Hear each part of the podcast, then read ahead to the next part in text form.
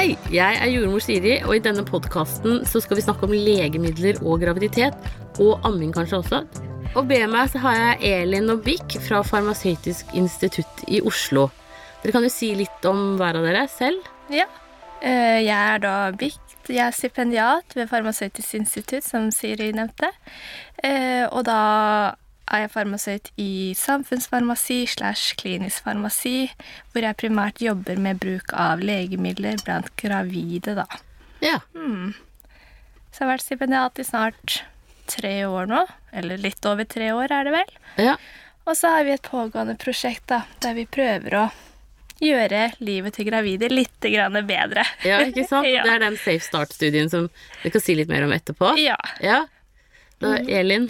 Uh, ja, mitt navn er Elin, og jeg er da student ved Farmasøytisk institutt, masterstudent, siste året. Og da masteroppgaven min handler da om den studien som heter Safe Start, eh, og da har jeg BIC som veileder. Ja, mm. så bra. Blant annet. Ja, Blant annet. Dere jobber tett. Ja, men det er hyggelig. Og dere setter jo fokus på et veldig viktig område, for det er jo ikke lov å forske på gravide Eller det er uetisk, da. Det er uetisk. Ja, ikke sant? Ja. Sånn at eh, den forskningen dere gjør, det gjør dere jo basert på hva gravide kvinner faktisk gjør, og så snakker dere med dem, intervjuer dem, eller de svarer på spørsmål. Eh, sånn at man da kan jo få sikre tall allikevel, uten å liksom utsette gravide for eh, farlige legemidler. Mm. Eh, den forskningen vi gjør, ga mye ut på holdninger til legemiddelbruk, og bare få en litt bedre forståelse på hvorfor gravide gjør som de gjør, hvorfor de kanskje ikke gjør det de bør gjøre, og litt sånne ting. Ja. Eh, holdninger, risikooppfatninger, og rett og slett bare få en bedre forståelse rundt legemiddelbruken, da. Ja, for, for det dykker jo stadig vekk opp i pressen sånne skremselsgreier om at Paracet fører til ADHD og Ja. sånne artige ting. Det er jo helt grusomt. Mm, ikke sant. Uh, nei, hva skal man si om det? Eh, Den artikkelen er jo man, Jeg må jo spesifisere at det er jo langtidsbruk av paracetamol den studien har sett på. Ja, Eh, mer enn 28 dager sammenhengende. Så vi, vi sier jo fortsatt eh, at det er eh, ok for gravide å bruke Paraceta, men ved, ved korte perioder. Ja, Så vi sier da maks syv dager sammenhengende. ja. Eh, og det skal jo være et behov for det. Man Mm. skal jo ikke ta unødvendig med legemidler hvis man ikke har et behov, da. Nei. Og sånn som mer enn syv dager på Paracet er det vel egentlig sjeldent at noen går på i forhold til forkjølelser og sånne ting med feber. Akkurat. mm. Og hvis det er sånn at feberen ikke gir seg etter de syv dagene, så bør man kanskje dra til legen og Ja, undersøke hvorfor denne feberen ikke gir seg, da. At det er en annen grunn ikke sant. til at denne feberen er der. Men de som, som kan finne på å gå på legemidler i lengre tid, eh, det er jo sånn som de som får svangerskapskvalme og sånn. Eh, det er interessant at du sier det, fordi vi føler at eh, ved svangerskapskvalme så eh, er det ikke så veldig mange kvinner som får behandling, da. De tror at ja, kvalmen er jo en naturlig del av svangerskapet, og dette er bare noe de må finne seg i. Det er i hvert fall det vi har inntrykk av, at de færreste bruker noen legemidler mot det. Eh, men det vi også har sett i våre siste studier, er at eh, selv en mild kvalme kan være veldig hemmende for den gravide i hverdagen. Både hennes kanskje evne til å ta vare på andre barn, eh, forhold til partner, men også jobblivet. Så at eh, legene burde kanskje vurdere å behandle flere enn de med ekstrem svangerskapskvalme, da. Ja, for det er vel bare Er ikke det sånn 4% som har ekstrem svangerskapskvalme, så, men 70-80% som er kvalme kanskje inntil de første tolv ukene, som Ja. sånn til og fra? Og det er jo veldig mye man kan gjøre. Eh, Forsøke, Eh, ja. forsøke, ja. Både som egenomsorg mot eh, mild kvalme, f.eks. Eh, så det er ikke sånn at gravide skal rundt og tenke at, eh, Dette det er noe jeg at det er en selvfølge. Ja. At siden jeg er gravid, så er jeg kvalm. Ja. Det fins løsninger, og det er også det SafeStart eh, Mm. går ut på. Ja. At de kan komme til apoteket og snakke om eh, disse plagene, f.eks. kvalme. ja. Og da få gode råd, eller få råd om, om bruk av de medisinene hvis de har fått forskrevet Det er fra legen. fra legen. ja. Ja. Men hva slags gode råd ville dere gi til de som er sånn mildt kvalme, da? Ja, det handler om å ikke la magesekken gå tom, f.eks. At kvalmesymptomer ofte er verre når magesekken er tom. Spise små, hyppige måltider, ikke spise for mye om gangen. Og så er det veldig viktig at hvis vi kaster opp, at de holder seg hydrerte, da får i seg nok vann, Ja. blant annet. ja. Hva, hva vil du si er liksom Går det an å gi noe sånn Er det én liter, eller er det to liter? To liter om dagen er anbefalt. Ja. Ja. Men da ikke alt på en gang, selvfølgelig. At man får i seg litt og litt gjennom hele dagen. Ja, så det å gå rundt med en flaske eller en sånn eh, Mm. veltekopp, det Ja. Og man sier jo at man bør, burde eh, prøve disse tiltakene selv om man bruker legemidler. At det går som hånd i hanske, da, både legemiddelbehandlingen og disse egenomsorgsrådene. Ja, men det er fornuftig, det syns jeg høres og, og da tenker jeg også på de der legemidlene man får mot kvalme. Det er vel, det er vel veldig mange som får det som stikkpiller, eh, fordi de ikke greier også å svelge Ja, det er et godt poeng. Eh, Men vi har også sett at eh, det er mange tabletter som skrives ut. Og da skrives det gjerne ut sånn ved behov, skriver legen. En tablett ved behov. Det er jo vanskelig å Altså Vi tolker jo kanskje ved behov litt annerledes. Og når man er gravid, så tenker man kanskje at jeg vil ta minst mulig av legemidler fordi man kanskje er en. Og da velger man kanskje å ta en tablett når man virkelig føler seg kvalm. ja, Eller idet man kaster opp, så tar man en Ja. tablett. ja. Og da er det jo for sent. Da kaster du opp kanskje tabletten også. Samt Ja. Ikke sant? Så dere tenker at man heller burde forebygge litt, og så heller stå litt på en jevn medisinering, og så Og så, og så I hvert fall i de verste periodene. Ja. Og et legemiddel som ofte brukes mot svangerskapskvalme, da er jo eh, Postafen, som egentlig brukes mot reisesyke. Og det er jo det samme prinsippet der. Når du bruker Postafen mot reisesyke, så må du ta inntil to timer før du skal reise. Og det er ah, ja. samme prinsippet med kvalme. Det hjelper ikke å ta den tabletten idet du kaster opp. Du må Nei, ta det sant. før. ja. Mm. Så da burde man da på en måte egentlig tatt den om morgenen, da, eller? Ja. Altså bare kontinuerlig. Ja. Ja. Doseringen er jo ofte også én tablett morgen og kveld. Morgen og kveld, ja. Så det blir jo både morgen og kveld da. Ja. Mm. ja, for det der med morgenkvalme er vel også litt sånn eh, eh, en myte. Altså, de, mange er jo kvalme i hele dagen. Mm. Og kanskje særlig på kvelden når de er slitne. Jeg ser i hvert fall det på spørsmålene jeg får. Men, men eh, eh, det er jo kjempeflott at dere forsker på dette her, da. Sånn at man liksom får litt sånn tydeligere bilde av det, tenker jeg. Ja, det vi vil med denne SafeStart-studien, er bare at, å tilby eh, gravide et møte med helsepersonell så tidlig som mulig i svangerskapet. Fordi vi vet jo at standard svangerskapsomsorg ikke tilbyr noen kontroller før, sånn typisk uke åtte til tolv, da. Etter at det har gått en tid, i hvert fall. Og spesielt det med kvalmen, det oppstår jo vel lenge før det, da. Det er ofte første tegn på graviditet, kanskje før de um, i det hele tatt har tenkt på at de kan være gravide, så plutselig blir de kvalme. Uh, vi har Ja, ofte er det sikkert sånn de kanskje finner ut at de er gravide, eller kanskje mistenker at de er gravide, Ja, at de blir litt sånn kvalme. Ja. Eh, Vi har også hatt et par tilfeller i studien der kvinner har sagt at ja, de har forsøkt å komme inn til legen eller helsestasjon tidlig fordi de har så mange spørsmål, men legene eh, har ikke kapasitet til å ta dem imot da, før de er en viss uke. Ja, og det er derfor vi jordmødrene jobber for å få flere jordmorstillinger. Ja, Og vi vil gjerne snakke med dem i uke seks til åtte. ikke sant? Og det kommer til å bli de nye retningslinjene, så, så det kommer til å bli bedre sånn sett, da. Ikke sant? Det er, jo, ja, det er jo for å dekke opp det, Det det gapet mellom, i svangerskapsomsorgen. mellom fra når du finner ut at du er gravid, til du har din første svangerskapskontrollen. Ja. Ja, ikke sant? Mm. Nei, men det er jo kjempeflott, altså. Eh, og så tenker jeg litt på sånn, når, man står på faste medisiner, f.eks. hvis man har epilepsi eller andre kroniske sykdommer, eh, hva er rådene deres da? Et sånn generelt eh, råd er jo at har du en kronisk sykdom og bruker faste medisiner, så planlegg graviditeten så godt det lar seg gjøre. Snakk med legen, diskuter behandlingen under svangerskapet, vær forberedt. Ja. Og så er det jo folsyre, da. Mm. Eh, Det er jo anbefalt til alle som planlegger graviditet, men spesielt for de som bruker visse legemidler mot epilepsi, så skal de jo ta et eh, ja. De skal ta dobbel dose, skal de ikke det? Det er mer enn det. Det er ti ganger. Det er fire, fire Fire milligram. milligram om dagen. Ja. Ja. ja, da er det jo i hvert fall lurt å planlegge. Mm. Ja, men eh, nå hopper jeg litt her, men- eller hva skal jeg si. Altså, jod er jo liksom, kommer jo som den nye, store greia man skal ta. Eller Hva Eh, sa du? Jod? Jod Ja. er liksom det nye nå, da.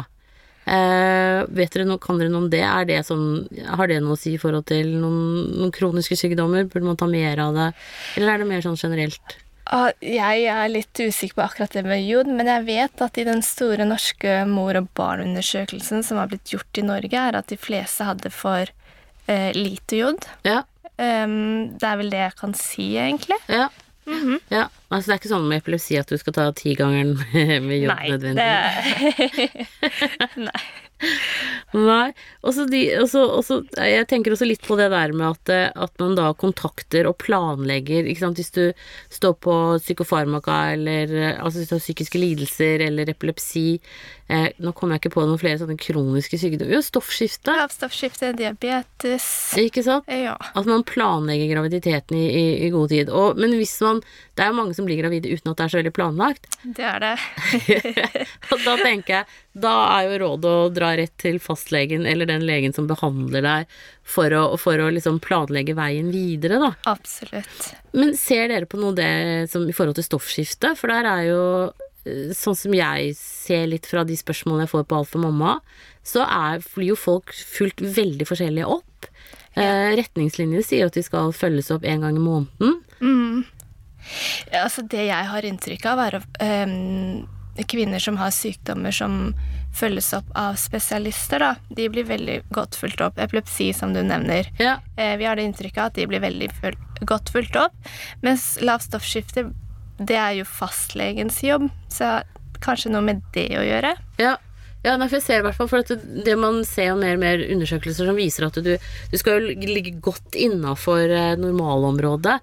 Eh, og sånn som jeg har sett, så er det en del fastleger som eh, eh, sier at du ligger innafor, så da er det greit. Men man har jo faktisk en større abortfare.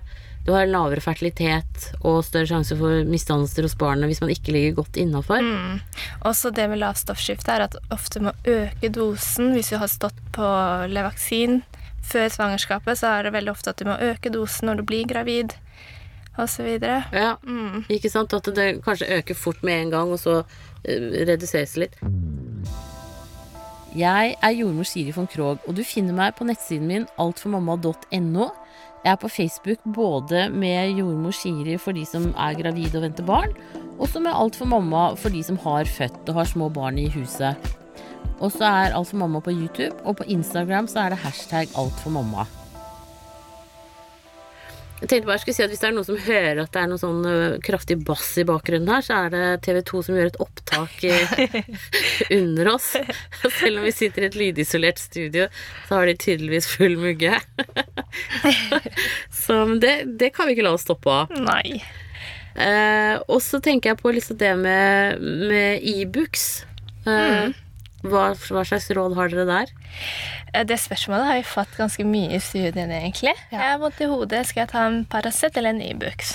Og det er, eh, det er Paracet som er, førstevalget første er når det Ja. gjelder smerte, hodepine og da korttidsbruk, da. Mm. Um, vi vil anbefale å ikke bruke Ibux så langt det lar seg gjøre, og spesielt ikke første og tredje trimester, Det er pga. blødningsfare, er det ikke det? blant annet. Ja.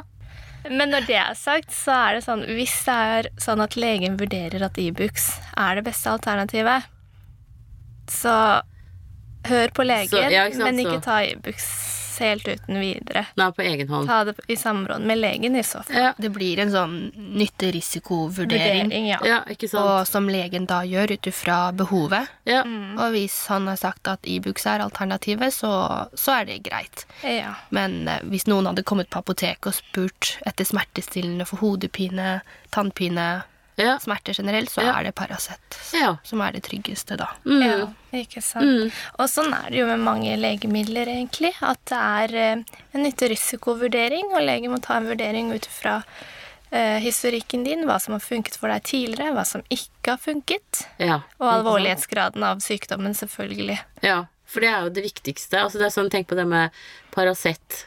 Eh, så, så er det studier som viser at det kanskje kan føre til ADHD.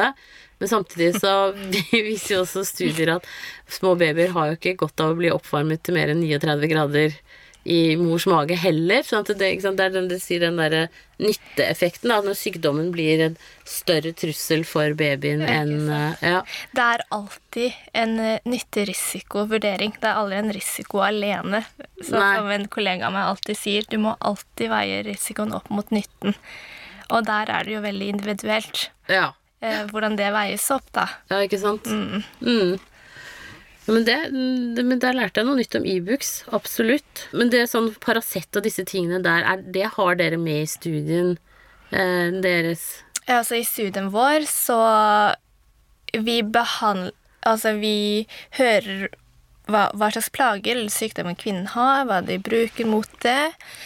Eh, og så prøver vi å gi gode råd om egenomsorg og mot vanlige svangerskapsrelaterte plager, da. Mm. Eh, som kanskje oppstår tidlig i graviditeten. Eh, og så er vi bare der for å bare svare på generelle spørsmål kvinnene har, da. Eh, med tanke på legemiddelbruk eller plager. Så vi, vi anbefaler vel ikke så ofte legemidler, men vi snakker om det kvinnen har lyst til å snakke om, da. Mm. Alt det de måtte lure på, og vi tenker det er mye bedre Ja. enn at hvis de skulle sittet hjemme og søkt på nettet. Ja, ikke sant? for For, er- dere er jo fagfolk Ja. Ja. med lang utdannelse. Ja. Men vi er heller ikke leger, da, så vi kan ikke starte noe farmakologisk behandling sånn sett, utenom de reseptfrie, kanskje. mm. Så Men dere har veldig god kunnskap om, om virkestoffene i de forskjellige legemidlene. ja. Eh, så, så der tenker jeg der har dere jo mye å fare med. Mm, snakker dere om sånn naturlegemidler og, og homopati og sånn? Har- Tar dere opp det i den studien? Åssen Vi har et felt der vi spør kvinner om de har brukt noe urtemedisiner, annet, fordi vi har kanskje sett i noen studier at uh, gravide tenker at uh, urtemedisiner eller naturmedisiner det er jo naturlig, så det er jo ikke farlig. mm, Men det er jo ikke alltid tilfellet. Disse det er jo stoffer som virker inn på kroppen, og vi vet kanskje ikke helt hvordan de virker, og de kan påvirke behandlingen av andre legemidler, f.eks.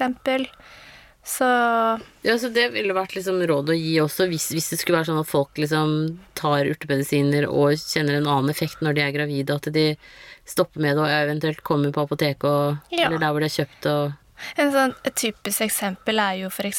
tranebær mot urinveisinfeksjon. Og Ja. urinveisinfeksjoner skal jo alltid behandles eh, hos gravide. Mm. Fordi hvis det lar det gå, så kan det oppstå komplikasjoner osv. For tidlig fødsel, faktisk. Ja, blant annet. Ikke sant? Og da er det mange gravide Nei, jeg vil ikke ta noe legemiddel. Jeg tar bare tranebær, fordi det er jo naturlig. Men øh, hvilken effekt tranebær har på en pågående urinveisinfeksjon, det Ja, det er vel mer en sånn forebyggende effekt. Hvis du har hatt en urinveisinfeksjon, eller lett for å få det, så er det lurt å ta det forebyggende. Ikke sant? Men, men har man en urinveisinfeksjon, så skal man jo alltid gå og få sjekket hva slags bakterier det er, og, Ja, få en og få en antibiotikakur på det. Måte, det, ja. Men Igjen så er det jo den ny- nytte-risikovurderingen. Kanskje de ikke har lyst til å ta antibiotika fordi de er redd for å ta legemidler. ja, Men så er det sånn at det, det er bedre å behandle urinveisinfeksjon enn å la være Ja. hos gravide. Men om tranebær, for eksempel, har jeg lært at de som inneholder et stoff som heter bucco, eh, den typen skal man ikke ta. Men du kan ta tranebær som ikke har det stoffet. Mm. Ikke Jeg har ikke hørt om. Nei. Nei, nei, jeg er inne på et sånt nettsted som heter rolv.no. Ja. Han har knallkontroll på le sånn urter og sånn. ja. Så der, eh, der er jeg innom støtt og stadig lærer, føler jeg. Jeg har jo vært inne på den siden, jeg òg. Eh, Kan ikke si at vi kan så veldig mye om urtemedisiner akkurat, men vi prøver å kartlegge da, hva Ja. gjør, hva, hvordan de tenker i forhold til det. Mm. Men er det ikke alle legemidler stammer ikke det egentlig fra urter, eller er det en myte? At alle Sånn opprinnelig, liksom? Det var vel der det startet, at folk begynte å tygge på forskjellige blader og urter. Altså. Ja, for aspirin kommer jo fra spirea. Ja, og så har du jo den derre penicillin som kommer fra den soppen oppe i Hardangervidda, blant annet. ja, ikke sant? Ja. Altså, sånn Er ikke det sånn organtransplantasjon? At man bruker den fra den Ja. Eh, Nei, penicillin er den antibiotikaen. Ja. ja. Nei, det er den soppen, ja. Det er sånn det er. Det er en sopp derfra som man bruker eh, til organtransplantasjon. Det var jo veldig langt fra graviditet, da. Beklager. Jeg går ut på viddene her. Eh, men er det noen andre ting dere tenker liksom gravide burde tenke på i forhold til det med medisinbruk? Nei, at man kanskje er litt kritisk til hva man leser og hører. Eh, og heller oppsøke helsepersonell hvis man har et behov. Mm. Og at eh, enkelte sykdommer og plager er eh, verdt å behandle, da. Og at sykdommen i seg selv kan være utgjøre utgjør en større risiko for barnet enn selve legemiddelet. Og har du en kronisk sykdom, så planlegg graviditeten så langt det lar seg gjøre sammen med legen. Ja. Og der kan man vel også føye til at i forhold til uh, barselperioden, da At da har man jo også en stor hormonell omveltning, så i forhold til sukkersyke Eller altså diabetes, heter det nå. Stoffskift og sånn, så, så skal man jo være litt ekstra obs Ja. etter fødselen. Men, men legemidler i forhold til amming Ja, det er greit å ha diskutert det med legen også. Eh, kanskje allerede når du planlegger graviditeten, hva som skjer. Eh, Om du skal eh, prøve noen andre legemidler, om du skal fortsette på det legemiddelet, om du skal amme, om du ikke skal amme. Og bare ha diskutert litt, da. mm. Hva alternativene er, og hvilke muligheter som finnes. For det vil jo variere på hvilke legemidler som går over i morsmelken, og hvilke som ikke gjør det. Mm. Eh, mm. Ja, men det høres fornuftig ut. Og så, tenker jeg litt på dette med hodepine, for det er sånt spørsmål jeg får stilt ofte på Alt for mamma. At noen faktisk kan få migrene av å være gravide. Få migrene av å være gravide. Den var ny for meg, tror jeg. Ja. Det jeg kan si om migrene, er at um, en tredjedel blir bedre. Mm. En tredjedel merker ikke noe forskjell. Og en tredjedel blir verre når det gjelder migrene under graviditet. ja. Mm. Så, men, men der er jo noe av den forskningen som dere har gjort på universitetet eh, i Oslo og Tromsø, vel, eh, viser at det, man kan ta ganske mye migre- Altså noen typer migrenemedisin kan man fortsatt ta. Men det er ikke så godt kjent eh, ut blant eh, fastlegene. Nei, det tror jeg ikke det er. Eh, og Hedvig, som er veilederen vår, hun kommer vel og snakker med deg om akkurat dette her. Mm. Om migrenemedisin. Jeg tror vi må hanke inn henne. Ja. Så skal du få et bedre svar fra henne, tror jeg. Ja, for da tror jeg vi kommer vel også over til det landet hvor det er greit å forebygge før man får for vondt.